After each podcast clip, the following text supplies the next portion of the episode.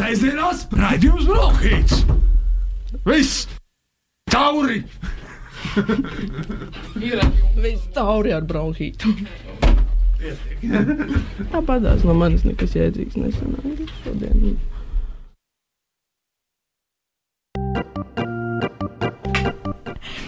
Esiet sveicināti radio un abu klausītāji. Šis ir literatūras rādījums Brownhīts, un ar jums kā katru sestdienu kopā ir Signa Viška un Lauris Veips. Un uh, šodien mēs esam tādā mazliet arī pēcsvētku noskaņojumā, jo vakar tika pasniegtas Latvijas literatūras gada balvas, bet uh, mēs esam ieradušies uh, studijā, lai turpinātu sarunas par literatūru. Un mūsu šodienas viesņa, kas pie mums viesojas attālināti, kur mēs esam sazvanījuši, ir Inese Zandere. Sveika, Inese! Sveika, Signe! Un šodien mēs runāsim par diviem nesen iznākušiem darbiem. Un pirmā grāmata, kurai mēs pievērsīsimies, ir tavs jaunākais dzējoļu krājums Mantojumi. Un tad nu, pirmais ievedošais jautājums ir, kā vispār, kāds bija šis ceļš līdz šai grāmatai? Jo man uzreiz rodas jautājums, vai krājumā iekļautais dzējoļu cikls mantojumi ir arī šī krājuma sākums, un vai no tā izvērtās mm -hmm. viss pārējais? Nē, tā gluži nevarētu teikt, jo pie tādas grāmatas, kāda tā ir tagad, es esmu nonākusi kaut kā ļoti pamazām. Un uh, vienkārši tie mantojumi pat neradās paši pirmie, un arī nosaukums neradās uzreiz, jo tik konceptuāli tas nebija. Bet, uh, bet redz, tomēr sešu gadu laikā kaut kā tā skaidrība par to, kāda šī grāmata būs, pamazām radās kas tur īsti bija tas, eh, tas, tas izaicinājums, kas pavērsa šādā virzienā. Nu, mēs te nesen runājāmies ar Aivaru Madri, kurš pirms tam bija palasījies Putnam iegādu iepriekšējo krājumu, un viņam bija licies, un es domāju, ka tas bija diezgan pareizi, ka tur ir uh, jūtama saistība, un ka tā vēlme uh, savu tagadni veidot no pagātnes ir bijusi sajūtama jau tur. Un tad laikam tas tā kaut kā ir pamazām sazarojies. Jā, un nu, pieminot uh, iepriekšējos mūsu bronhītu viesus, uh, mūsu Valentīns Lukaševits uh, teica, ka nu, viņš strādājot pie vēstures, ir teicis, tas viss ir saglabāšanas vērts. Uh, jums tas impulss šķiet ir drusku cits, un jūs uh, tai pagātnē pieiet uh, konstruktīvāk kā izaivielai. Uh, Un, nu, kā, kā, jūs, kā jūs to kā, komentētu? Zini, es to komentētu tā, ka es, nu, man pagātnē ārkārtīgi interesē, bet es neticu tam, ka cilvēki var kaut ko saglabāt vai vispār zināt to, kas patiesībā ir noticis. Lai gan vārds patiesībā arī šeit ir jāliek pēdiņās. Jo pat savas uh, vienas dzīves, uh, nu, tādā gājumā es skaidri apzinos, ka uh, tas, ko es atceros vai ko es šķietos zinām par, par notikušo vai piedzīvoto, kas, vai, lai gan tas ir noticis ar mani pašu, ir tomēr uh, kaut kas cits nekā tas, kas tur notika. Un vēl jau vairāk viena un tie paši notikumi dažādu cilvēku atmiņā ir pilnīgi atšķirīgi. To mēs esam iz, uh, pārbaudījuši daudzreiz ar Uldi Bērziņu runājoties par tādām lietām, kur mēs abi esam piedalījušies, un katram ir pilnīgi izrādās cits stāsts. It kā būs divi dažādi notikumi. Un, bet tas man, manu interesi par vēsturisko nemazina, tikai es neuztveru to vēsturisko kā faktoloģisko. Uh, man ir apmēram tā sajūta tāda, ka nekādas reālas vēstures priekš manis nav. Ir tikai tas, ko es esmu uzzinājusi vai izlasījusi vai kādā citā veidā uzzinājusi. Un, Un, un tas manā galvā dzīvo, un tas, protams, nav nekāds reāls notikums un nav nekāda reāla vēstures fakta. Tā ir tāda sava veida nerealitāte. Un tad viņi sastopas ar to nerealitāti, ko veido manas atmiņas, mana atmiņa, pareizāk sakot, kā mehānisms, kur pašas piedzīvo to. Un tad, kad šīs visas lietas satiekas un no viņām rodas teksts, tad, tad, tad beidzot man ir sajūta, ka tas ir kaut kas reāls. Respektīvi, dzējolis vai literatūra principā ir, ir tā realitāte, kura var rasties no šīm divām nerealitātēm. Kaut kā tā. Un nevar teikt, ka es uzreiz ar šādu konceptuālu attieksmi sāku rakstīt šo grāmatu bet tas ir vienkārši kaut kas, pie kā es esmu dzīves gaitā nonākusi, šī sajūta. Nu, tāpēc es nezinu, vai to varētu nosaukt par pagātnes saglabāšanu, lai gan man arī ļoti interesē visas iespējas pieslēgties kaut kādai pagātnē. Bet, uh, bet tā ir tā mana dzīve, kas rodas no šīs pagātnes.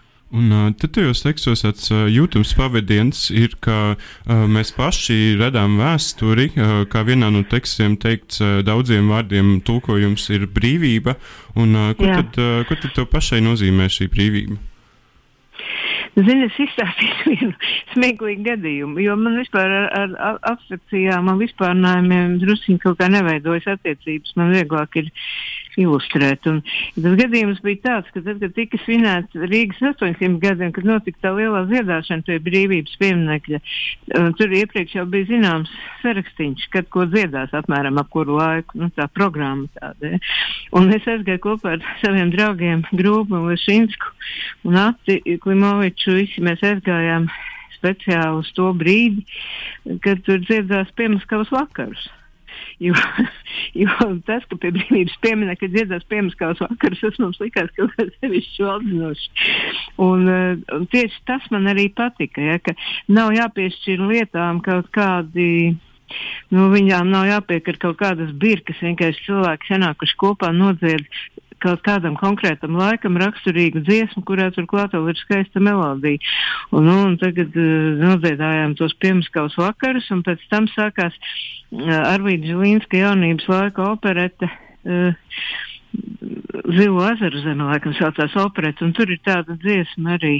Mana dzimtene jaukā zilo ezeru zeme, un no sākuma ļoti romantisks, un pēc tam otrajā pantiņā tur jau kaut kas aiziet pa komunismu un, un tādā garā, un, un nu, citi tur dzied, citi pasmējās vienkārši par to, bet ne- nelaiķis, uh, uh, nu, kultūras vēsturnieks Romāns Pusars, kurš, protams, Uh, nu, kā lai pasaka, savā ziņā man arī ir bijis autoritāte ar savu, saviem centieniem um, padomi laikā noturēt latviešu kultūras vērtības.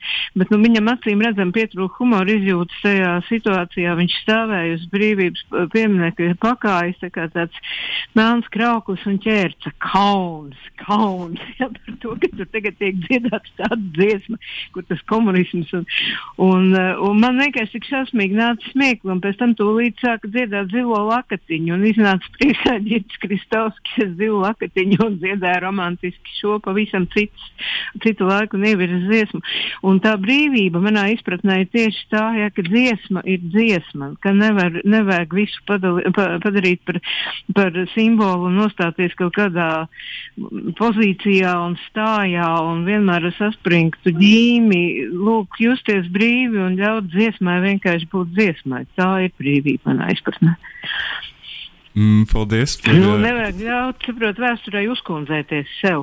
Vajag eh, par viņu interesēties un saprast jēgu, nu, kā, ko tā dziesma ir nodz- nozīmējusi savam laikam un uh, cilvēkiem, bet nevajag ļaut viņai valdīt pa, savā galvā šai, šai interpretācijā, vajag vienkārši brīvāk pieiet arī tā vēsturē. Jā, Nīčam tikko, tikko Nīčas tulkojums uh, par vēstures derīgumu kaitīgumu dzīvē iznāca, kā tur arī noteikti var smelties attieksmes pret, uh, Noteikti, jā, pret vēsturi.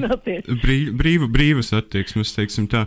Uh, bet uz šīs uh, tiešām nots, uh, varbūt mēs arī varam dzirdēt uh, dzējoli. Es uh, uzreiz iedomājos uh, par 61. lapusi slīpā lietu, tā kā jū, uh, Ah. tu par uh, dziedāšanu Jā. Nu, labi. Zini, tur ir priekšvēsture mazliet jāapstāsta, jo uh, man tāds uh, visas dzīves garumā tāds draugs un, un lielā mērā dombiedrs bija Uģis Brikmanis. un Viņš divas reizes man ir pamudinājis pievērsties tam dziesmu svētku tēmām, bet nu, nevis tāpēc, ka ir pasūtījums un tā, bet tāpēc, ka viņš ļoti labi zināja, cik man tās tēmas ir tuvas. Un pirmo reizi tas notika tad, kad Dobelē, tas ir mana dzimtā pilsēta, uh, tika svinēts uh, jubileja pirmajiem kurzemes dziesmu svētkiem. Un Uģis man palūdza uzrakstīt tādu ciklu, ko viņš varētu lasīt tajos svētkos. Un tagad, kad pēdējo reizi viņi kopā ar Mārtiņu Klišānu veidoja dziesmu svētkus, tad viņam atkal gribējās, ja viņš vispār dzēju kā tā ļoti uztvēra kā svarīgu dzīves un svētku sastāvdaļu. Nu, lūk, viņš gribēja arī tādu dzējoļu ciklu, kas saistītos ar dziesmu svētku vēsturi. Un uh, tas slīpā lietu ir viens no šī cikla dzējoļiem un attiecas tieši uz laiku, kad es mēģināju to simboliku sasaistīt ar savas dzīves realitāti. Kad koris slīpā Lietuvā kūrās, es stāvēju tur desmitajā rindā no kreisās piektais. Tā ir mana vieta. Kad čukstēja, bet nenočukstēja, pavisam nenodzisa. Kad diriģenta rokā slēpās valoda, žests mēmēs prata runāt latviski, un puķis nozīme neviena vārnīca, kad nenodeva. Kad dzēnieks pakāpās uz dzirnakmens un stiepās pirksgalos pār mūri sveicinādams, bet slideni ir Lietuva dzirnakmeņi. Un bailēm piedzima tik skaistas melodijas, un daudziem vārdiem tulkojums tik vienāds brīvība. Vēl vecie tramvaji caur ziemu braucot dungo vai viņi tic, ka nenāksies nekad vairs ar dziesmu sirdsapziņu pierādīt. Kad slīpā lietu dziedot koris turas, es neaizmirstu. Desmitajā rindā no kreisās, piektais. Tā ir mana vieta. Uh, nu šajā grāmatā vispār ir tā, ka Man bija liela dilemma. Nē, nu nebija patiesībā dilemma. Es nezinu, tas tā izklausās pārspīlēti. Bet, vārdu sakot, šeit ir tik daudz piesauktu viscaur grāmatas teksta audumā, ir daudz ļoti konkrētu vārdu vai vietu vai notikumu. Un pa lielākajai daļai tie ir aizšifrēti, jo tie ir arī tādi, ko, ko zina tikai šaurs cilvēku lokus, un ir arī tādi, protams, kas ir plaši zināmi. Ja vismaz tiem būtu jābūt plaši zināmiem, un tad vienmēr rodas tā sajūta, ka varbūt ka vajag kaut ko pastāstīt vēl par to vairāk un, un kaut kā dot cilvēkiem pavadienu, pie kur turēties, kad viņi iet tajā dzējoja labirintā. Un uh, es par to daudz sarunājos arī nu, grāmatas tapšanas gaitā, pamazām sevišķi pagājušā gada dzīves dienās ar, visādiem cilvēkiem, lasītājiem, klausītājiem. Un prasīju viņu domas par to, jo būtībā ir tā, ka pa daudziem dzīvoļiem var izstāstīt arī tādus stāstus, kas saistās ar vēsturi. Un tie stāsti nav garlaicīgi, viņiem ir patīkami dalīties. Bet tikai lieta tāda, ka stāstīts, stāstīts dzīvā sarunā ir viens formāts runāts, un dzējols ir pavisam kaut kas cits. Un, un jautājums bija tātad par to, vai ir nepieciešams kaut ko skaidrot pie dzējoļiem. Nu, es jau uz bērziņu vienreiz atsaucos, bet es atsaukšos vēlreiz, jo man ļoti ir paticis vienmēr tas, ka viņš savos dzējoļos daudz izmanto tādas lietas, kuras es varu nezināt un nesaprast, kas kopā veido brīnišķīgu to dzējoļu, nu, tādu virsmu, tādu rakstu ornamentu, ja pat tad, ja es nesaprotu un tikai nojaušu tās alūzijas un tās atsauces. Un tikpat interesants ir arī tad, ja es saprotu, tas ir atkal cits veids, kā to dzēju uztvert. Un tad, ko man darīt? Vai man mēģināt kaut ko skaidrot vai nemēģināt? Un to punktu tām pārdomām un šaubām pielika mana draudzene no grāmatas redaktora Ieva Vašinska, kura teica, nē, nu, visu, ko var iegūglēt, nevajag skaidrot. Ja? Un savukārt uh, par saviem tuviniekiem, sev tuviem cilvēkiem, kur tur grāmatā dzēlī, teiksim, parādās vienkārši vārdā saukts, tur Laima, Oiderts vai Guntiņa vai, vai kādi uzvārdi, nu, paņem un paskaidro par tiem. Es tā arī izdarīju. Es beigās ieliku vienu lapu ar piezīmēm, un tur ir minēti tie man tuvie cilvēki, bez kuriem šeit, nu, kuri vienkārši ir šajā gadījumā kļuvuši par daļām. Un arī dažas norādes uz, uz lasīto, tāpēc, ka vienkārši es nevarēju pārvarēt kārtinājumu padalīties ar citiem par to. Un, piemēram, tur ir tāda norāda Mārtiņa Lutera vēstule Žeromam Vēleram. 1530. gada jūlijā. Un uh, tas Žeroms Vēlers bija viens Lutera līdzgaitnieks, kurš viņam bija atrastījis un žēlojies, ka Sātans viņu ārprātīgi kārdina un pa, pa, pamudina uz visādām mm, grēcīgām lietām, un rezultātā viņš netic vairs tam, ka viņš ir patiesi ticīgs, un tas viss viņu vispār var novest līdz pašnāvībai. Un, um, Un, un Luters viņam atbildēja, ka, ka pirmkārt, ja sātans tev kārdina, tas jāuztver kā kompliments tev kā ticīgam cilvēkam, tādēļ, ka tas nozīmē, ka tu tiešām esi ticīgs, jo citādi tos pārējos nav vērts kārdināt un mēģināt kaut kā lenkt. Ja? Un otrkārt, vajag viņam spļaut acīs un darīt vienmēr visu tieši pretēji. Ja, piemēram, sātans tev teikt, tu nedzer, tad, tad tev viņam ir jāatbild. Mm. Ja tu to saki, tad es tūlīt iešu un dzeršu ļoti daudz. Ja? un, un uh, viņš mudina viņu koķetēt, Luters mudina viņu koķetēt ar savu sievu Katrīnu, kas bija, kā zināms, ļoti laba alus brūvētāja. Un, var sakot, iedvesmo viņu spļaut acīs sātanam šādā veidā. Un ja sātans tev teiks, ka par to tu degsi Elas ugunīs, tad tu viņam saki, to es zinu. Bet vai tu domā, ka es noteikti tur degšu? Tā tas nebūtu nav, tāpēc ka kāds ir izpildījis manus grēkus jau pie krusta. Lūk, tā ir patiesā ticība. un, un, protams, ka tas dzējolis jau nav ne par Lutheru, ne par šo sātanu kārdinājumu, bet tas kaut kā ir savijies kopā ar, ar manām attiecībām ar saviem draugiem, savu dievu un savu sātanu. Drīkst es to tagad izlasīšu. Jā, droši. tas saucas par spīti. Viņš man ir lēns, tas labi. Kāds netīrs klusums apkārt. Putekļi no lejas dzīvokļa, pa visām sprāgām salien, pa saujai burtu izbirst no grāmatām kā beigts rudens mušas, un gara svītra cauri klusumam, kur aizvilcis viņš manu sirdsapziņu vai āža nagas, nagu savu no pasakām līdz skaidri pasakītam, te tu paliec. Un tagad ielai draugs par spīti.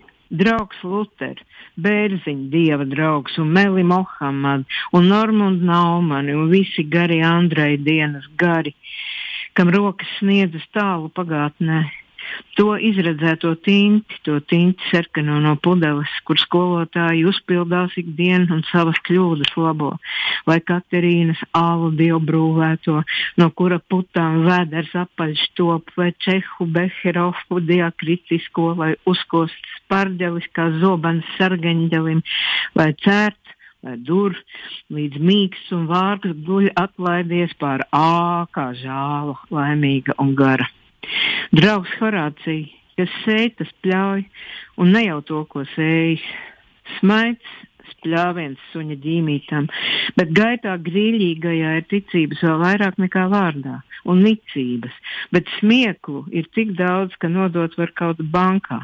Kaut gēnu bankā, kur uz mana vārda stāv rakstām mašīna, uz kuras Aļaškovski kāds ģenētiski tīri pārrakstījis, un tēvreizi no tīra kabatlakatiņa kā virmo putekļi. Viņš man ir lēns, tas labi. Lai novērtē, dod zīmi, ka mani mīl aizvien tas otrs, kuru pametusi es vienu pašu baznīcā un sevī. Jā, nu kaut kā tā.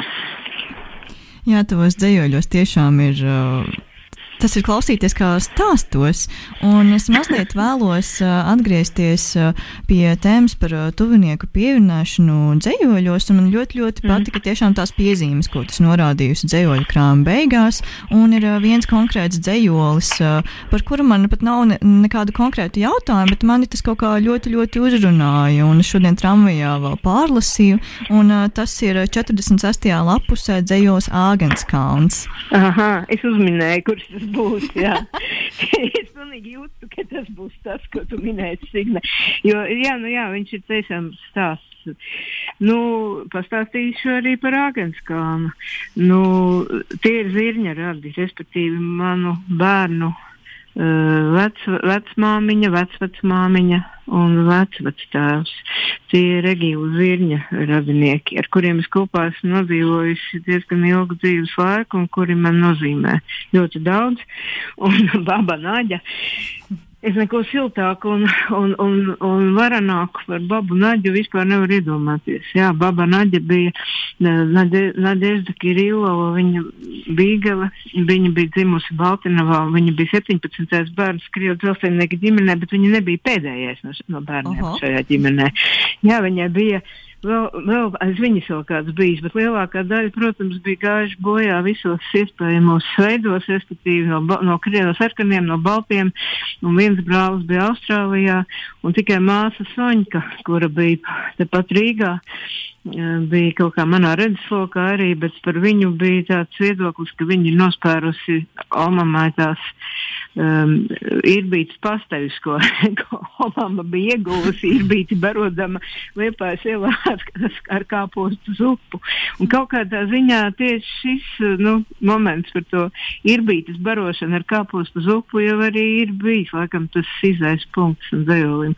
Bet vispār ir ļoti interesanti pašam mēģināt to izsakot. Es izlasīju ar sajūsmu, nu es vispār ar sajūsmu izlasīju Steinberga zejoļu krājumu, bet es ar milzīgu sajūsmu izlasīju tagad punktu datumā to mm, Steinberga rakstu, kur viņš izsaka. Kā tāpat dzējolis, jā. jā, tas bija lielisks jā, tāpēc, raksts. Tas ir nenormāli interesanti, ja tas veids kā, un ne jau vienmēr var tik perfekts tam izsekot līdzi, bet jā, tā interese par kaut ko, ja, kāpēc vispār tāda vēsture un tāda, un cilvēku un personības, kāpēc vispār par viņiem jāraksta dzējoļos, jo, nu, izsāstīt taču var arī stāsta formātā, bet tomēr nevar, tāpēc, ka tad, kad tas um, tevī pašā, nu, tajā rakstītājā vai tajā dzējotājā, uh, kaut kas sasienas ar lietām, kuram ar to nav nekāda sakara. Ja? Bet tavā galvā tas sakars veidojas. Un tas vairs nav tāds ne, ne prozas, ne, ne dzīves stāsta formāts. To var, uz, to var tikai dzējolīt, tāpēc jau arī tie ir dzējoli. Jā, nu tā ir ar to Agenskalnu. Vai tu gribi es tev to arī tagad lasu? O, tas būtu brīnišķīgi. Es zinu, ka tas ir tāds garš dzējolis. Jau visi tagad ir gari. Es atceros, ka tad, kad es sāku uh, rakstīt dzējoļus, nu nevis kad sāku, bet kad jau kādu brītiņu rakstīju, bet man bija kādi 19 gadi, teiksim, tad uh, skarda mūsu bāra vecākie kolēģi par to, ka esot ļoti īsi dzējoļi nu, īsi. Un tagad es domāju, varētu sākt bārt par to, ka ir pārāk gari. Jo kaut kā tas tiešām ar vecumu attīstās. Nu, labi, es ar prieku izlasīšu to Agnes Kalnu, jo tas man ir ļoti, ļoti mīļš dejols. Un pasveicināšu ar šo lasījumu arī Zirni, kurš ir nopelnījis uh, valsts apbalvojumu, kā izrādās ar saviem rakstiem, par ko man, protams, prieks, bet viņam paldies par labu naģu no manis. Āgenskalns. Sirdī kūp kāpostu zupa, ko baba naģa vāra liepājas ielā pie morga. Un pravoslāvs irbītis trebj viņas ķēķī sildīdams akmens pēdas uz bruģas pilveniem nosolušas Sirdī kūp kāpostu zupa dāsni ielieta māsai Soņkai, kas nosper irbītes bildes, kamēr katli silstalīs sielā uz plīts, opapu mājās gaidot kurš nāk opaps Emīls pa Daugaugrīvas ielu kājām no bijušā Mārtiņa Kalniņa padomju krāsām un lakām, sloks un kuldīgs stūrī pelmeņos ieraudams čarku, tad klāt ir un izsper no mājas visas soņkas un maņkas un draudzeni almu ar dzelteniem prīmas pirkstiem un Annu Paulonu dieva adītāju no Melnsila ielas, nost no katla žagatas vārnas prom pa noraktām kāpām un priedēm, krekli uz striķa vien noplīv, atkal mazgāti muļķe, nemāki taupīt, bieži beržot ātrāk krādziņu dilst kurš iemeļa, kurš nespatnēs vācieša gabals, baroties atdzisīs zupa, bet tad neesi barots, strēbiens un klusums, un diena kā cukurstējā, laiks sitas pret pulksteņa malām, tinkš, tinkš, tinkš. Baba naģa pie kūstošās dienas gaismas, šurpu turpu adāmā mašīnā dzenā ogres džemperu dzīvi Bīklenes kreisās un siltās stāviem kakliem kā zeķu kāti, kamēr vēl bērnu nav mājās, kamēr Tamāra pilsoņu ielā māca slimniekiem vingrot, kapseļu ielā masvieriem rūlēt ādu. Kamēr cilpojas, cilpas viss rindojas adījumā, kamēr kā šūpoles rokas staigā, kamēr saveļas krēsli, kamēr pamazām snaldienas, tad zibošas stēles un spoles, jaunības lentes un zīts, sapņu uz asu lauku pāgenskalnu ielu, līdz tekstilu fabrikai stiepjas kā diegi un samudžinās. Kam jādod tās puķis? Ulmanim 39. vai tankam 40. gadā nomutis labiņš, būs brāķis. Un tumsā uztrūkstas baba nāģa asara iepilu vilnā, mutauts piedurknē pazūd, bet atrodas pazudis laiks, noklausās televizors, ko radio virtuvē runā. Bet visi pie viena galda, no viena katla, lai sirdī kūp kāpostu zupa, nestrebiet šķidru, biezumus smeliet un krējumu pielieciet klāt. Neatdzisusi sirdī kūp kāpostu zupa, kas kurstenis Mārtiņa ielā, pirtī, kur viņa iet mēteļus padot un veļu mazgāt un rūlēt un safrizēt sirmo galvu un uzacis krāsot tik skaistas un melnas, ka pērkons kā opaps sarauts spieri iespērs kursteņa galā. Un katls iet pāri, suns rei, pāvs kliedz uz jumta čigānu mājā, cepetim pārplīst āda, pagalas sagāžas kaudzē un visur kūp kāpostu zupa. Lai opaps vai pērkons vai baras, bet bada te nebūs nekad. Sniegs izkūst, pīrāgi uzzied, dārzā karotes spraucas no zemes, kāpostis maržo kā negaiss pār Āgens kalnu, pāri Kaunciem ielai, līdz tirgumu, līdz Arkādijai un atkal atpakaļ ziemā, kur ceriņi kupenās, bērni trušādas kažociņos, smaržu rī ieplestām mutēm un pilnām guzām pa baložu ielu pie viņas smiedamies skrien. Kurš? Babana ģēžda kapos pie Ventspils ielas, Āgens kalnu dvēseles baro. Nāciet, pietiks jums arī sirdī kūpa kāpostu zupa. Paldies par šo lasījumu. Jā, Man jāteic, ka es jūtos visnotaļ dziļi aizkustināta šobrīd. Um, bet, Domājiet par babām. Jā. bet uh, paturpinot par to attieksmi pret vēsturi, uh, jau pieminētais Ulris Be uh, Bērziņš uh, ir uh, teicis, ka uh, jo sarežģītāka pasaule, uh, jo labāk. Bet uh, ko tad uh, tu teiktu kādam, uh, kurš ir noguris no sarežģītības? Es nezinu. Man liekas, ka, ka pasaule varētu būt nogurusi no tādiem, kas ir nogurusi no sarežģītības. Nu, kaut kā viņi, viņi to pasauli. Nu, viņi, viņi dara viņai pāri. Viņi varētu teikt, viņu sabojā ar savu vēlmi vienmēr visu vienkāršot. Es viņiem neko negribu teikt, lai viņi nelasa tos dejojus. Nē, nu tiešām, jā. Man, man īstenībā ir arī, es esmu uztrenējusies izteikties īsi un vienkārši, jo kaut vai tāpēc vien, ka man gadiem ilgi ir bijuši jāizdomā žurnālā virsrakstu un izcēlumi, nu, tad, kas strādā Rīgas laikā un arī pirms tam dienā. Uh, un es saprotu, ka ir iespējams arī kaut kādu impulsu cilvēkiem nodot uh, īsi un spilgti, nu, tā lai, lai viņi to uzreiz saķer un, un, un mēģina norīt. Bet uh, visā visumā es esmu par gariem tekstiem, par uh, to, ka ir nepieciešams sevi izkopt, spēju iedziļināties un uztvert teksta saturu, un ka nekāda tehnoloģijas brīnumi no tā mūs neatbrīvo. Nu, apmēram tā kā man stāsta draudzenes Dobeles skolotājs, kur nu, sko, bijušās skolas biedrenis, ka pienāk vidusskolas vecuma bērns un pra, nu, bērns jaunietis un prasa savai skolotājai, skolotāji, nu, pasakiet, lūdzu, kas tur ir domāts tajā, te, kas ir prasīts tajā teksta uzdevumā. Teksta uzdevumā, kas sastāv ne vairāk kā ne, no vienas rindkopas, un ir zudusi kaut kā tā spēja pat tādā vienā rindkopā iedziļināties un saprast, par ko vispār ir runa tajā tekstā. Nu, kas man būtu jāsaka, ka tas ir normāli, ka es uh, domāju, ka cilvēki drīkst būt tik ļoti noguruši no sarežģītības, ka viņi nespēj vairs uztvert pat vienu struntu tekstu uzdevuma saturu. Nu, nē, taču. Nu. Nebūs nekādi kompromisi. Pasaule ir un paliks sarežģīta, lai kā tas kādam nepatiktu. Mm. Un, uh,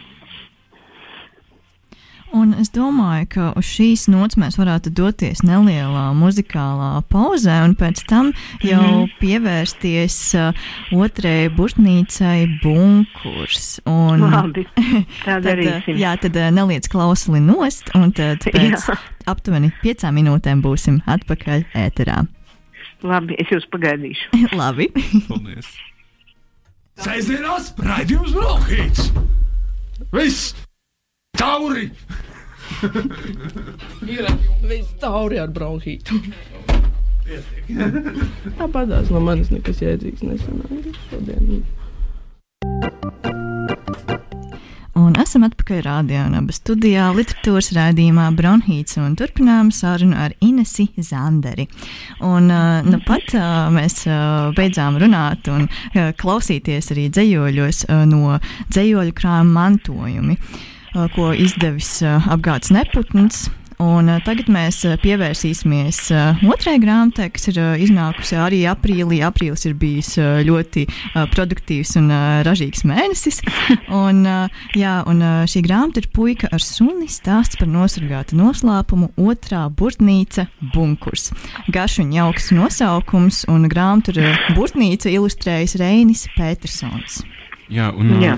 Uh, varbūt varētu sākt, uh, nu, atgriežoties arī pie pirmās būtnīcas, bet kā tad uh, šis stāsts uh, tevi atrada? Zini, mani vispirms atrada pati Žanis Lipke. Nu, tādā nozīmē, ka kaut kad, bēdos samalot, droši vien 2000. gadu sākumā, es sāku kaut ko vairāk dzirdēt par Žani Lipki. Nu, var teikt, saspicēja ausis, tāpēc, ka man šķita, ka šis ir ārkārtīgi interesants cilvēks. Gan tas, ko viņš ir paveicis, gan arī viņš kā, kā persona. Un es sāku savā datorā, kas man ir vesela biblioteka, kuras vāku iekšā kā pelē alā visādas lietas, kas man ieinteresē. Sāku krāt kaut kādas ziņas par Žani Lipki, jo nu, nenoskārstāja vajadzībai, bet vienkārši ar lielām simpātijām un interesi. Un tad uh, jau krietni, krietni vēlāk, kad jau pastāvēja, bija nodibinājies Žaņa Lipkas memoriāls, toreiz uh, pirmā memoriāla vadītāja bija Lēja Liepiņa. Un viņi kopā ar Māri Gēli man uzmeklēja, bet ne jau tādēļ, ka viņi būtu zinājuši, ka man ir kāda interese rakstīt grāmatu, bet gan tādēļ, ka viņi bija sajutuši, ka uh, būtu labi, ja būtu tāda grāmata bērniem, kuru varētu arī muzejs izmantot mm, darbā ar, ar bērniem, kas nāk uz muzeju. Un viņi, protams, varēja arī piedāvāt bagātīgu informāciju, kas muzejā bija savākta. Un, um, pie mums viņi atnāca uz lielu un mazu ar tādu domu, ka liels un mazs varētu tādu grāmatu izdot. Bet kas to varētu uzrakstīt, tādas idejas skaidrs nebija. Un mans ierosinājums bija piedāvāt Andrei Neburgai šo darbu. Lai, protams, ka tajā brīdī es pie sevis trinos un domāju, nu, vispār tā ir mana tēma, un tā kaut kā kļuva nemierīga. Bet es uh, nenodevu savu nemieru, un, un Andrei piedāvāja to, bet Andrei to nedarīja. Un tad uh, beigu beigās, kad man vajadzēja piedāvāt kaut kādam citam, tad es tomēr piedāvāju sev. nu, lūk tā. Un tad es uh, pēc tam ilgi, ilgi muļājos, tā varētu sacīt vienkārši. Jo, nu, tad jau nāca Lauits Tomsons, kas bija gatava man ārkārtīgi daudz palīdzēt. Un vispār bija paredzēts, ka tā grāmata iznāks 2014. gadā. Un, un, un visi bija pārsteigti atkal kārtībā reizi par to, cik ļoti tā Zandara var muļāties un, un neizdarīt apsolīto laikus un tā joprojām. Bet, nu, ir tāda ķeza, ka es nevaru uzrakstīt, kamēr es nezinu, ko es īsti gribu uzrakstīt. Un tā ir maza būtība apjoma ziņā neliela grāmata, jo uh, salīdzinot ar visādiem bieziem romāniem, bet, nu jā, man tā ir kaut kā, ka es, tas, tā, nu, tā aizberga tur ārā izlien spicīte, bet tur apakšā vienmēr ir jābūt ļoti, ļoti daudz kam. Un kamēr tu tiec skaidrībā ar to daudz ko, tikmēr paiet visu dzīvi. Un rezultāts bija tāds, ka pirmā grāmata, pirmā burtnīca iznāca tikai 17. gadā. Un tagad pagāja atkal ilgs laiks, kamēr ir gatava otrā, bet kaut kā ar trešo es ceru, ka ies jau daudz ātrāk, tāpēc, ka tā ir daļēji jau, nu, viņi ir pilnībā izplānota un daļēji jau uzrakstīta. Un, uh, man ļoti žēl, ka nav iespējams to grāmatu radio neredzēt, ne paturēt rokā. Tādēļ, ka gan rēņa ilustrācijas, gan tas dizains, ko Artis Briedis un Rūta Briedi ir izdomājuši grāmatai, pats par sevi ir ļoti stāstošs. Jo viņa ir burtnīca tādēļ, ka tiešām tā ir burtnīca, viņa ir tiešām burtnīca, nevis nejauši burtnīca. Uh, tāds plāns vāciņš un, un naturīgas krāsas un, kas atgādina tās grāmatas, kādas iznāca nu, pat ne tikai kara laikā, bet arī faktiski pirms kara laikā aiz taupības, lai būtu pieejams ma mazāk turīgiem cilvēkiem. Un kara laikā jau nu it īpaši. Un Līdz mazajam zigim plauktā bija viena otra grāmata, lai gan nu, nekādi li ļoti lielie lasītāji viņi nebija un daudz grāmatu nebija mājās, bet nu, mēs esam ar Rēni abi redzējuši šo to, kas zigim pašam mājās ir un bijis. Un, uh, mēs gribējām, lai tā sajūta ir tāda, ka tā grāmata pati jau kā priekšmets liecina par to laiku. Un pati galvenā viltība bija uh, atstāt neatgrieztas lapas, kā to kādreiz izdevēja darījais taupības. Bet šoreiz vairāk tāpēc, lai, lai, lai bērns vai pieaugušais vienalga, lai pieskartos tai grāmatai, lai pameklētu papīra nazi vai pielāgotu kādu citu daiktu. Un, un, un lai nebūtu tik viegli piekļūt tam noslēpumam. Mm. Nu, mhm. viņš tur tiek sargāts, ja tās lapas ir cietas. Nu, kaut kā tā. Un Rēns un, un Brieži par pirmo pirmo burtnīcu, kad tā iznāca, dabūja arī dizaina balvu, tā kā tas vispār tika saprasts un novērtēts. Un šajā grāmatā ilustrācijās otrajā burtnīcā īpaši ir arī tādi citāti, kur Rēns ir izmantojis vēsturisks materiāls, un proti Žanim Lipkem pašam arī patika zīmēt, un šeit ir arī citāts no viena viņa zīmējuma, kur ir violnieks un dāma. Uh, Zigim arī patika, uh, viņš līdzinājās tēvam šajā ziņā, viņam patika zīmēt, viņam arī patika griezt no koka visādas lietiņas, kas arī te ir figurē, un ir arī uh, citāts, kur Zigis, nu, citāts vizuāls citāts, kur Zigis pats bija uzzīmējis to bunkuru, jo viņš, viņš tiešām perfekti zināja, kas tur notiek un viss, kā tur izskatās, un pats bija palīdzējis, un ir saglabājies tāds viņa zīmējums, kur ir, nu, tā bunkura uzbūva redzama. Un ir arī citāts no vienas viņa grāmatiņas, kura ir tik šausmīga, tik šausmīga, ka es laikam, es pat nevaru izšķirties, ko es jums varētu palasīt priekšā, jo viss ir tāds garš. Tā šausmīgā grāmatiņa stāsta par zobārstu. Un Zigis visvairāk par visu pētās no zobārstiem. Ak, es tieši gribēju ieminēties par uh, zobārstu, un par to vēl būs atsevišķi, uh, atsevišķi komentārs uh, pēc tam. Par zobārstu? Jā. ne, tie, bet ko tu gribēji zināt par zobārstu? uh, nē, ne gluži vienkārši man tas uh, mazliet, man uh, šķita, ka šie tie, tur ir uh, dzējolītis arī par uh, zobārstu. Nu, un, jā, tas ir no tās grāmatiņas, tas dzējolītis un tas zīmējums, kurā Rēnis citē tās grāmatiņas ilustrāciju. Ja? Tas ir tas, kas Zigim ir iedvesis šausmīgas bailes no zobārstiem, jo viņš pats dabā ne pie viena zobārsta nav nekad bijis. Oh, bet, eh, zini, man tas uh, man uh, uzreiz radās asociācija ar dzējoļu krājumu bērns, kas neiekrita. Man liekas, ka jaunajai laumai traumai būtu ļoti paticis šis dzējolis. nu, noteikti, jo tāpēc viņa ir ļaunā lauma trauma. Bet tas puikā ar suni, tas paradoks ir tāds, ka Zigis pamazām iepazīstas ar tiem cilvēkiem, kas ir uh, bunkurā. Nu, vispār te man, protams, būtu jākomentē tā, ka nevajag uztvert, ka viss, kas šeit ir rakstīts, mats matā atbilst uh, tām norisēm vēsturiskajām. Pēc būtības pilnīgi atbilst. Bet, teiksim, pēc tā, kurš cilvēks tur kurā brīdī, kurā epizodē parādās, varbūt negluži, jo uh, tātad, uh, nu, tur ir dažādi cilvēki, kas zinām laiku uzturas bunkurā ķīpsalā un starp viņiem es esmu iemitinājusi arī vienu uh, cilvēku, kurš patiesībā tika uzreiz pat taisno pēc izglābšanas aizvests jau tālāk uz Dobeles pusi, kur Lītka bija ierīkojis vairākas slēptos laukos. Jo tas notika jau ap to laiku, kad Rīgā kļuva drusku par bīstamu uh, slēpt cilvēkus. Viņam palika vēl cilvēki arī bunkurā, bet, nu, sakot, bet man viņš bija ļoti, ļoti vajadzīgs. Un šis cilvēks uh, kļūst par zīga draugu vislabāk labāko no visiem, lai, kas tur dzīvo tajā bunkurā, lai gan viņam tur ar vairākiem ir savas īpašās attiecības. Un šis cilvēks vārdā Villijs ir Vilis, kā viņi sauc arī uh, Vilijs Frišs, bija tieši zobārs. Lūk, tas ir tas trakums. Viņš bija Jānis, skaists, izglītots, un Vīlis, uh, Vīlis jau neizpauda Zigi. Viņam nebija nekādas vajadzības stāstīt, zini, Zigi, es esmu zobārsts. Ja? Un Zigi to nezinādams ārkārtīgi liels simpātijas izjūta pret šo cilvēku, nu, manā grāmatā. Un uh, viņš kļūst viņam arī par tādu kā skolotāju, jo Zigis neiet skolā kara laikā, un lai attīstītu drusciņu viņa zināšanas par Eiropas geogrāfiju un valodām, Vīlis izmanto radioaparātu, Lef Superlux. Nezinu, jūs esat kādreiz viņu redzējuši, viņam tā skala ir vienkārši satriecoši skaista. Un tur ir uh, Eiropas karte būtībā ar pilsētām atzīmētām. Un, tā, tā, un kaut kādu radio Žanis Litka bija bunkurā ieviesis. Un, uh, es, protams, īsti nezinu kādu, bet es nolēmu, ka tas noteikti varētu būt Web Superlux, jo tad Zilijas Frišs var Zigim mācīt geogrāfiju, izmantojot to radio skalu. Un tā Zigis nezināja, ka viņa labākais, tuvākais draugs ir zobārsts.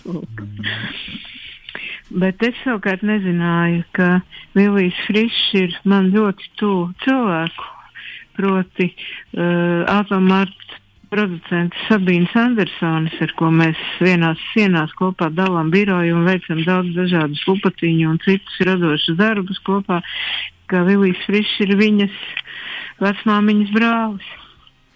Un to es uzzināju tikai jau rakstot grāmatu, pavisam nejauši, gan drīz vai var teikt. Nu, tā daudz, kas saslēdzas kopā. Jo es jau teicu, ka pagātne veido mūsu tagadni. Uh, jā, bet uh, nu, uh, grāmata par noslēpumu bet, uh, un uh, spēju noturēt noslēpumu. Tur liela daļa spriedzes, protams, ir no tā, vai uh, kāds, kāds kādu redz. Un, uh, mēs arī sākumā ieraugam uh, Lipkas uh, ģimeni caur Silvijas, proti, kaimiņienes acīm, mm. burtiski pāri sētai. Nu, bet, uh, kā, tad, uh, kā tad ir? Vai uh, nu, katram mums ir jābūt noslēpumiem, vai noslēpumi ir tāda, uh, tāda nu, svarīga, piemēram, pieaugšanas daļa? Zinu, novecošanas daļa arī, ne tikai pieaugšanas. Nē, nu, vispār es domāju, ka uh, tas, ko es vispār nevaru iedomāties, ir, ir, ir visas savas dzīves izlikšana kaut kādā, nu, vienalga vai plašai publikai vai burbulim, pieejamā sociālā tīklā, nu, kas vispār, pilnīgi, man liekas, kaut kā izkropļo to dzīves jēgu. Bet um, no otras puses rakstniekam jau ir jābūt gatavam atklāt par to, ko, ko vispār viņš negribētu ne par kādu cenu, jo, jo nu, tā ir ārkārtīgi tāda pašiznīcinoša atklātības nozīmē profesija. Bet, nu, man ir grūti atbildēt par to, vai cilvēkam ir vajadzīgi noslēpumi, bet tas, ka noslēpumi ir normāla dzīves sastāvdaļa, jā, nu, es domāju, ka tā tas ir visos vecumos.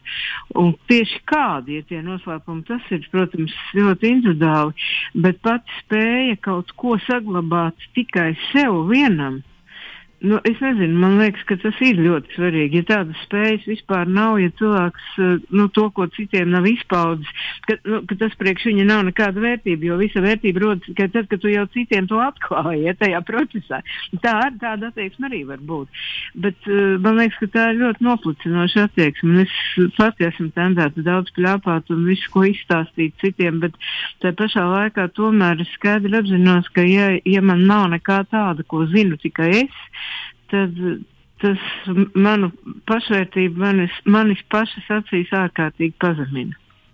Es gribētu turēties pie dažiem saviem noslēpumiem, tomēr, un paņemt viņus līdzi tur, kur, kur neviens viņiem vairs nepiekļūs. Un kāpēc eh, ne tikai augšanai, bet arī novecošanai? Tāpēc, ka, piemēram, pats novecošana kā process arī ir tāda nu, kā lai to pasaka, tādas attīstīšanās uz iekšā, ka tev vajag aizvien mazāk. Un toties tas, kas tev ir, tas tev kļūst aizvien dārgāks, un tev nebūtu nav vēlēšanās. Um, ar visu, kas ir notiek tagad šajā procesā ar tevi dalīties. Es to novēroju, piemēram, pie savas mammas, kura visā visumā bija ļoti sabiedrisks cilvēks, bet kaut kā viņai tajā vecuma galā, tajā novecošanas procesā ļoti aktualizējās tas, ka viņa negribēja vairs draudzēties ar cilvēkiem, kuri kaut kādā veidā padara viņas dzīvi atklātībai pieejamu. Nu, es īsti pat, es vēl neesmu līdz galam sapratusi, kā tas funkcionē, bet man ir aizdoms, ka tas ir ar, ar, ar vecumu progresē. Jā, uh, vispār man ir, man ir izsumā vēl ļoti daudz jautājumu. Uh, uh, es, uh, ja es tik gari atbildēšu, tad jūs neizdodas. Jā, mums vēl ir astoņas minūtes, bet centīsimies kaut kā ietilpināties. Uh, Jā. tu pieminēji, tu pieminēji ķermeni, ķermeni tā kā novecošanu. Uh, es tagad atzīšos tādā varbūt diezgan muļķīgā lietā, bet uh, es atceros, ka vienreiz es pirms gadiem, vēl, kad pasaule nebija sagājusi viestā, novēroju, kā tu raksti Latvijas Nacionālajā bibliotēkā.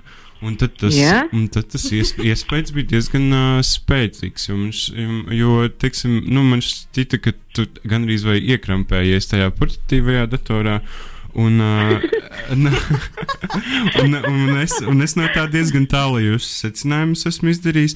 Nu, bet, uh, tad, uh, nu, bet tad, pirmkārt, nu, tad noteikti, ka tas tev ir, nu, rakstīšana tev noteikti ir fizisks, tāds juteklisks uh, process. Mm.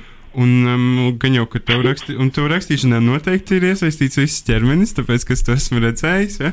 Uh, Labi, bet, Žēl, bet, ka es tev nevaru atbildēt ar kaut kādu vērojumu, jo es pagaidām neesmu redzējis, kas tur raksta. jā, es iztulkoju ok. tavu grāmatu, bet mēs vēl neesam tikušies. Tas ir smieklīgi. Jā, tā diezgan. nu, tas ir. Bet, nu, labi, vispār man te par to iztulkošanu bija viena piezīme, smieklīgi jāizstāsta. Bet, nu, labi, tu tagad tev, tev ir priekšroka, tu vari turpināt. laikam citreiz, jā.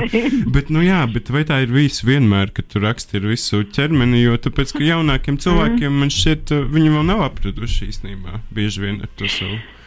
Es īsti nezinu, bet es domāju, ka tas ir saistīts ar to, ka es esmu sāk gadiem, gadiem, gadiem rakstījusi ar roku. Jo, kad es sāku rakstīt, respektīvi, kad man bija četri gadi, tad es rakstīju drukātiem burtiem ar, ar krāsainiem zīmuļiem, kas prasa zinām uzspiešanu. Saprotu, lai vispār uzrakstītu. Jā, mēs rakstījām ar manu bērnības draugu Ilzi, kurai arī bija četri gadi, viena otrā tādas vēstules un sūtījām, nu, nevis sūtījām, bet vienkārši nesām un metām paskastītē blakus, blakus mājiņā. Pēc tam uh, sākās, vēl taču bija tintas pildspalvu laiks. Varbūt viss tas rakstīšanas process patiešām bija daudz fiziskāks. Tas ir fakts. Ja? Un tad eh, tieši es piedzīvoju to brīdi, kad skolā sāka uh, atļaut rakstīt to lodīšu pildspalvu. Un uh, tā kā nu, es rakstīju ļoti daudz, jo, nu, kā lai pasaka, nu, vienkārši rakstīšana kā process, ja, tā man arī bija ļoti svarīga lieta. Es rakstīju vienkārši fiziski ļoti daudz. Un tad es ļoti pamazām uh, 90. gados pārgāju arī uz datoru. Un no sākuma turpināju rakstīt roku un dot kādam pārrakstīt, un graizīju savus manuskriptus un līmēju ķeskas kopā, nu, var sakot, ļoti Tas viss, vispār, viss, viss šie procesi ir ļoti fiziski, ne tikai iesaistot manu ķermeni, bet vispār nu, tādi, vieli, tādi vieliski, tā varētu teikt. Ja? Un joprojām man ir saglabājies paradums, lai gan es galvenokārt rakstu datorā, bet man ir saglabājies paradums arī šad un tad rakstīt ar roku. Un ir ļoti specifiski kā var sevi novērot it kā no malas, redzot, kā tu kuru dienu raksti, jo rokraksts mainās atkarībā no kaut kādas pašajūtas vai kaut kādām, nu nezinu, daudziem dažādiem apstākļiem. Un man, piemēram, ir dienas, kad es rakstu ļoti skaisti, un ir dienas, kad man ir vienkārši drausmīgi ķeburi, es nevaru normāli burtu pabeigt, man viena burta vietā rakstās cits burts un visādi samlīdzīgas lietas. Ja? Un tad vēl sēdēšana, protams, jo nu, man vajag visu laiku, piemēram, sevi uzpasēt. Tu, tu pareizi pateici par to iekrampēšanos datorā. Tas ir tāpat kā, piemēram, iesācējis šoferis kaut kā sēž baigi uz priekšu un ieķēries stūri, stūrē. Un pieredzējis šoferis tā normāli at, attālinās no tās stūres un atspiež muguru pret sēdekli. Un man arī vajag visu laiku sevi uzmanīt, lai nesēdētu krēsla maliņas, lai, lai nespiestos klāt tam datoram, lai nespiestos galdā, ja kaut kā atslābināt nu, tās novērojums vispār acīm redzot bija diezgan precīzi. Bet skaidrs ir viens, ka šādi uh, vērojot, it kā cenšoties pats sevi panalizēt no malas par savām ķermeniskajām izpausmēm, var ļoti daudz uzzināt arī par to, kas tev galvā notiek. Jā, un uh, ko, bet mums, es nezinu, kā mums ir signa, mēs varam Nu, mazliet, mazliet pārsniegt laiku. Mazliet mēs bet es domāju, ka lasīt nodaļas no grāmatas gan mēs nelasīsim. Mēs jau pietiekami daudz pastāstījām. Jā, man šķiet, ka klausītājiem ir jau pietiekams iespējas radies. Bet es, es gribu Laurim kaut ko pa, pa, pastāstīt par mūsu sadarbību, lai viņam ir par ko padomāt. Labi, es paklausīšos. Par to- ok, labi. par to pasaules nevienkāršību. Ja? Tad, kad tu gatavoji uh, līdzes analīzes no angļu parindeni, tulkotājai, atdejotājai, ja, kur uztaisīja vispār brīnišķīgus, manuprāt, ļoti veiksmīgus dejoļus angliski. Tu uh, gribēdams, kā saka, būdams skrupulos un patīks, tu, tu uh, pieminēji, piemēram, to, ka vārds jupis latviešu valodā nozīmē arī nelabo, ja? Atgriežamies atkal pie mīļotā sātana, kas Jā. mums maisās. Un zini, ko viņa no tā izsacināja? Viņai bija pēc tam kaut kāda intervija um, īrijas presē, kur viņa stāstīja par šo grāmatu, un viņa, pie, viņa pieminēja to vietu, uh, kur nu, bija tas šņupis, jupis mums. Ja? Un viņa teica, ka nu, latvieši ir skarbas daba, un viņi, viņiem bērns, ja neguļ mierīgi un neārstējās, tad viņu parauj vēlns. tādā garā viņa to jupi, un ka viņa nu, ir tomēr centusies to visu mazliet mīkstināt, jo viņa nevar pieļaut to, ka bērni tiek tā pārlieku baidīti, tam viņa nepiekrīt, ka tā vajag darīt un tādā garā. Bet mums jupis, jupis, protams, ir vienkārši iesas, šī gadījumā. Ja? Redz, kā notiek ar to, uh, ar to pasaules sarežģītību. Ja? Daža sarežģītība izrādās par sarežģītu. Es arī būtu darījis tieši tāpat, jo man arī patiktu visas iespējamās nozīmes tur pielikt klāt un taisīt, taisot tādu parindini, darīt tāpat kā tu. Nu jā, uh, ok. In, in, interesanti katrā gadījumā. Noteikti ceru, ka arī, nu, ja ne, ja ne es, tad vismaz, uh, kad būs trešā daļa, tad arī puika ar suni tiks uh, tulkot. Ja man liekas, ka šitais jau nu ir. Nu, pirmā grāmata Lietuvā ir jau izdota, un viņi tagad ķeras jau pie otrās, un viņi izdos visu, ko, nu, visas trīs putnītes. Tas ir skaidrs zināms. Par pārējiem neko pagaidām nezinu, bet lietuvieši jā. Es vispār esmu baigajā sajūsmā par uh, to, kādos uh, ceļos ir uh, nonākusi mūsu šodienas saruna un cik plaši un dažādi mēs esam diskutējuši par visu iespējamo. Bet, nu jā, tad mēs lēnām tad, atradīsimies ar mazliet ar skumjām balsī, jo tiešām ir tik interesanti un forši parunāties un cerams arī izdosies tikties drīzumā klātienē. Bet es, do, es domāju, ka mēs tiksimies ļoti drīz, jo Signēs esmu tava redaktore, apzinies to. Un, kas attiecas uz Lāru Veipu, tad viņš vienkārši vēl nav nonācis manos tīklos, bet, protams, ka jebkurš, kurš raksta foršas dzējoļus, var uzrakstīt arī dzējoļus bērniem. Teorētiski vismaz. Tā kā es metu acis arī uz Lāru. Gaidīšu ziņu. Un es no tevis arī gaidīšu ziņu. Jauki. Labi, paldies, tev, Inese. Tad teiksim, tā, Paldies. lai tev forša Paldies diena par drīz sarunu. tikšanos. Labi, atā. Atā. Redzēšanos. Jā, uh, paldies, dārgie klausītāji, ka šodien bijāt kopā ar mums. Šis bija literatūras raidījums Brownhīts. Ar jums kopā bija Signe Viška un Lauris Veips. Un tagad mēs dosimies tiešām uh, pelnītā uh, atpūtā, uh, garās brīvdienās un vēlēsim jums burvīgu sestdienu un priecīgus svētkus. Ha, tā.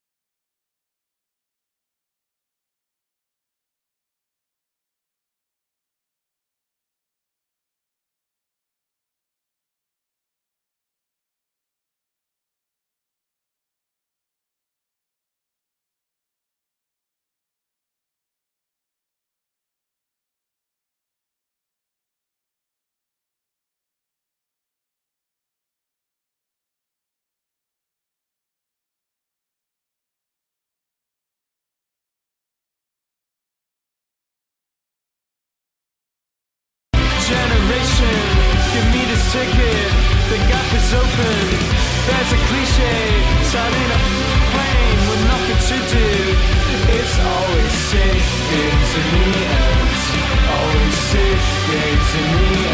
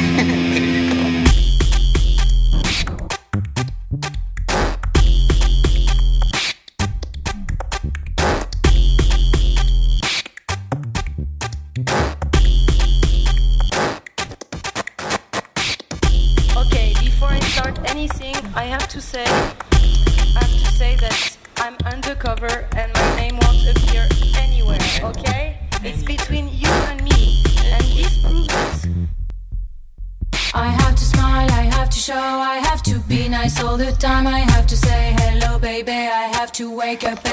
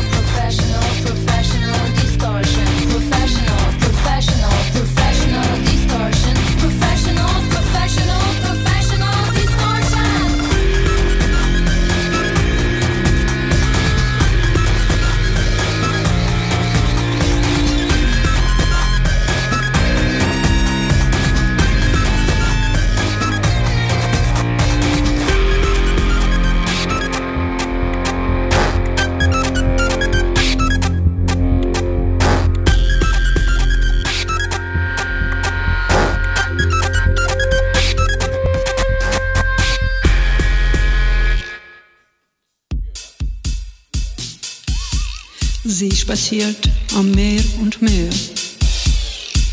Das Wetter ist schön. Sie hat einen dunklen Mantel an. Sie schreibt Gedichte.